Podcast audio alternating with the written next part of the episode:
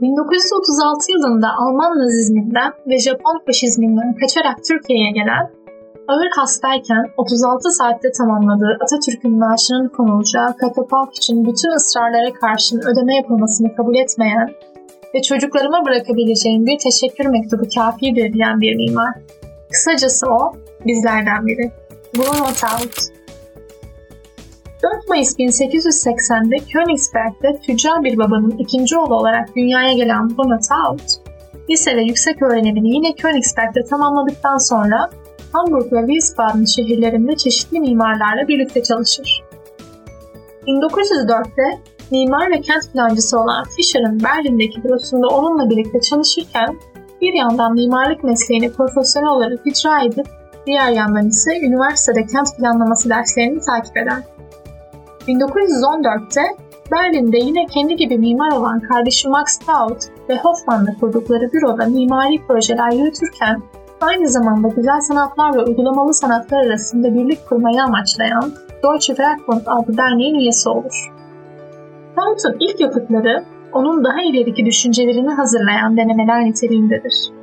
Bunların arasında bir sergi için tasarladığı ve Köln'de inşa edilen Cam Ev adlı pavyon yeni bir yapı geleceğiyle yeni biçim araştırmalarına yönelmesi açısından ilgi çeker. Birinci Dünya Savaşı'ndan sonra çöken karamsarlığı yenmek için meslektaşları arasında yüreklendirici çalışmalara girişir, onları barış içinde olacak bir dünya için düşünce üretmeye çağırır. Birinci Dünya Savaşı sonrası Moskova'ya giden Tao, bu yüzden daha sonra komünistlikle suçlanır, 1921'de yeniden ülkesine döner. Her fırsatta silahlanmanın ve yeni bir savaş macerasının karşısında yer alır. Bu tutumu takılmasında hem kişiliğinin hem de doğduğu bölgenin savaş sonunda Almanya'dan koparılmasının önemli etkisi olduğu tahmin edilmektedir. Ama Nazi Almanyası'nın da onu barındırmak istemeyeceği çok açıktır. Bu sebeple 1932 yılında yeniden Almanya'yı terk etmek zorunda kalmıştır.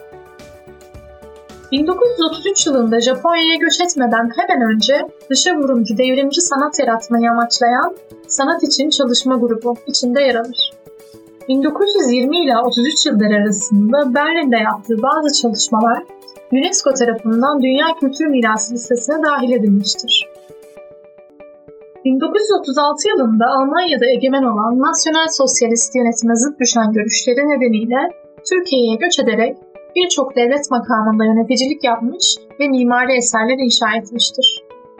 Donald Taut'un kısa süren Türkiye yaşamının ortaya koyduğu yapıtların bir öğretim basamaklarının izlercesine dizilmesi dikkat çekicidir. Ankara Cebeci'de yer alan bir ortaokul, Ankara ve Trabzon'da yer alan iki lise ve yine Ankara'da bulunan bir üniversite yapısı.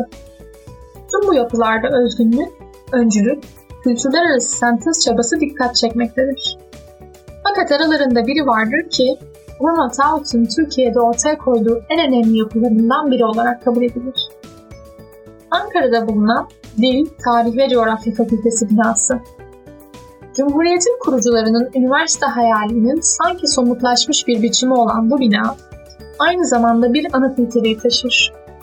1936 yılında öğrenime başlayan Dil Tarih Coğrafya Fakültesi bir süre evkaf apartmanları olarak nitelenen ve bugün devlet tiyatrolarına bağlı küçük tiyatro ve oda tiyatrosunun içinde yer aldığı bütünleşik yapıda öğretimi sürdürmüştür. Anıt binanın yapımına ise 1937 yılında başlanmış ve 1939 yılında tamamlanmıştır. Daut, Türkiye'de anıtsal yapı çalışmalarının yanı sıra akademik çalışmalar da yapmıştır. Güzel Sanatlar Akademisi içerisinde yer alan İstanbul Teknik Yüksekokulu'nun sonraki adıyla İstanbul Teknik Üniversitesi Mimarlık Bölümü kurucusu ve ilk başkanıdır. İstanbul ile tanışması 1916 yılına dayanır.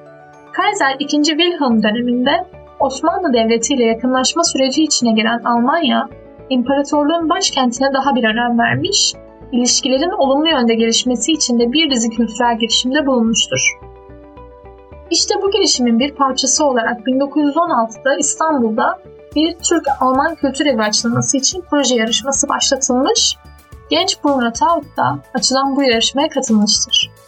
Her ne kadar projesi seçilmese de en azından Türkiye'deki çevrelerde kendisini tanıtmış ve adından söz edilir olmuştur. Japonya ve Türkiye gibi mimarlık gelenekleri özgün ülkelerde yaşamış olan Taut, bu ülkelerde yerel mimarlıkların ve sanatların çağdaş düşüncelerle bağdaştırılması konusuna eğilmiştir. Özelliklerinden biri de yapılarda renk kullanımı üzerinde duran ilk çağdaş mimar olmasıdır.